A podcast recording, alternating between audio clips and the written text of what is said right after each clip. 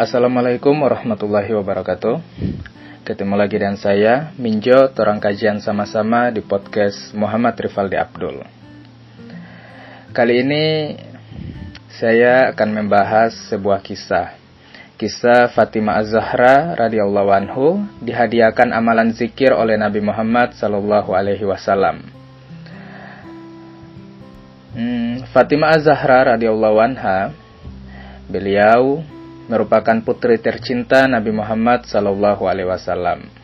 Satu dari empat muslimah penghulu atau sebaik-baik perempuan surga. Ini berdasarkan hadis Nabi Muhammad sallallahu alaihi wasallam yang bersumber dari Ibnu Abbas radhiyallahu anhu. Bahwasanya Nabi Muhammad sallallahu alaihi wasallam bersabda, Sebaik-baiknya perempuan penghuni surga adalah Khadijah binti Huwailid, Fatimah binti Muhammad, Maryam binti Imron, dan Asia binti Muzahim atau istri Fir'aun. Mereka berempat itu bisa diibaratkan sebagai artisnya atau perempuan teladan bagi para muslimah.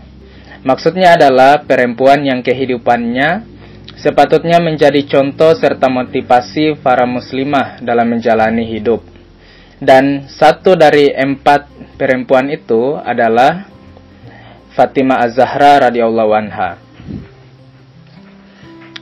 Putri Nabi Muhammad sallallahu alaihi wasallam ini merupakan putri yang amat dicintainya.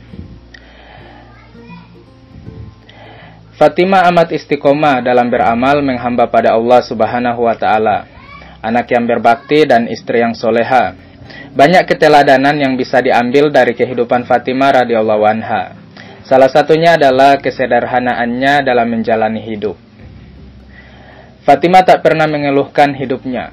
Dia selalu mensyukuri atas setiap nafas kehidupan yang telah dihadiahkan oleh Allah Subhanahu wa taala padanya bersyukur dengan cara istiqomah dalam agama. Daripada mengeluh, bahkan dalam suatu riwayat, pada masa awal pernikahannya dengan Ali, dia masih mereka masih mengalami kesempitan hidup. Di saat itu, daripada mengeluh, Fatimah lebih memilih untuk beribadah mengingat Allah Subhanahu wa taala. Sebab dengan mengingat Allah, hati akan menjadi tenang. Sebagaimana Ali bin Abi Thalib radhiyallahu anhu, suami Fatimah radhiyallahu anha, pernah menceritakan sebuah kisah tentang Fatimah Az-Zahra radhiyallahu anha.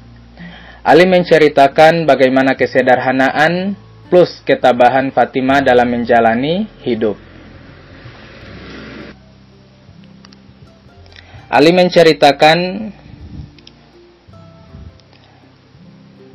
kalau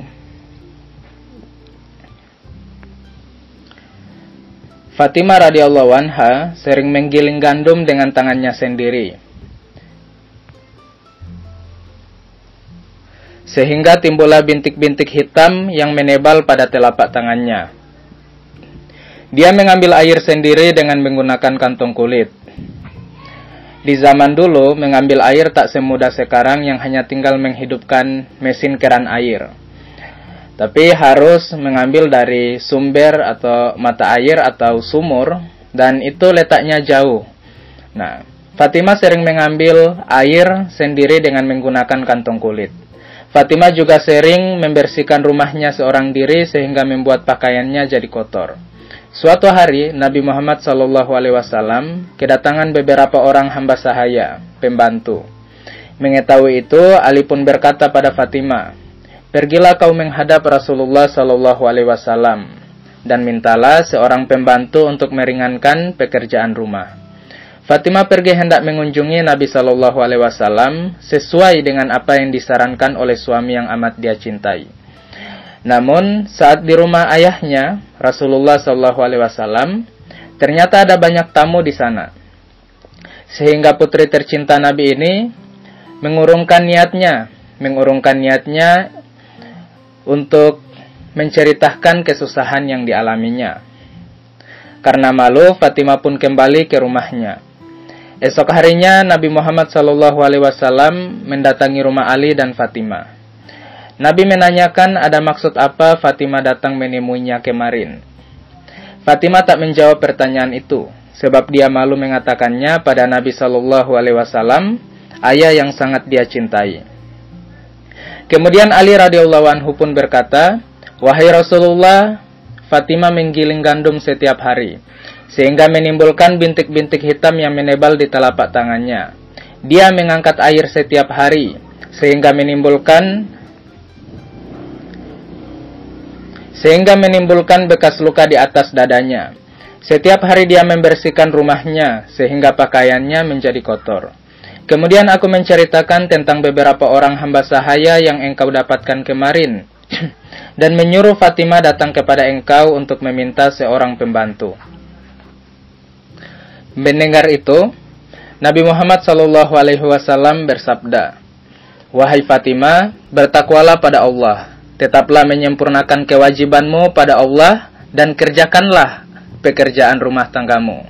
Kemudian, apabila kamu akan tidur, ucapkanlah subhanallah 33 kali, alhamdulillah 33 kali, dan Allahu Akbar 34 kali. Ini lebih baik bagimu daripada seorang pembantu. Mendengar sabda Nabi Shallallahu Alaihi Wasallam itu, Fatimah dengan penuh takwaan pada Allah Subhanahu Wa Taala berkata, Aku ridho dengan keputusan Allah dan Rasulnya. Betapa kuatnya Fatimah, daripada mengeluhkan keadaan hidupnya untuk memohon diperkenankan seorang pembantu pada Nabi Shallallahu Alaihi Wasallam, putri tercinta Nabi ini tetap mensyukuri keadaan hidupnya dan lebih memilih tawaran berupa diajarkan amalan zikir oleh Nabi Muhammad Shallallahu Alaihi Wasallam. Satu gambaran nyata sosok manusia yang sudah merasakan manisnya iman. Fatimah benar-benar sosok the great of women. Zikir yang diajarkan oleh Nabi Shallallahu Alaihi Wasallam pada Fatimah itu juga bisa diamalkan oleh seluruh umat Muslim. Sebagian kalangan menamai zikir itu dengan zikir Fatimah.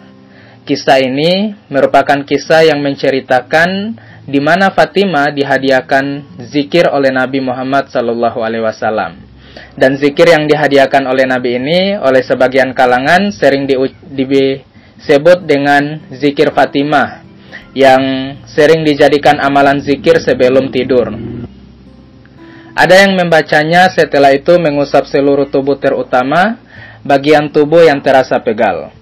Dengan keyakinan atas kuasa Allah Subhanahu wa taala, sangat bangun saat bangun tubuh akan terasa lebih fit. Wallahu alam. Demikian pembahasan kita pada kali ini. Sampai ketemu di episode podcast selanjutnya. Wallahumul afiq ila aqwamit Wassalamualaikum warahmatullahi wabarakatuh.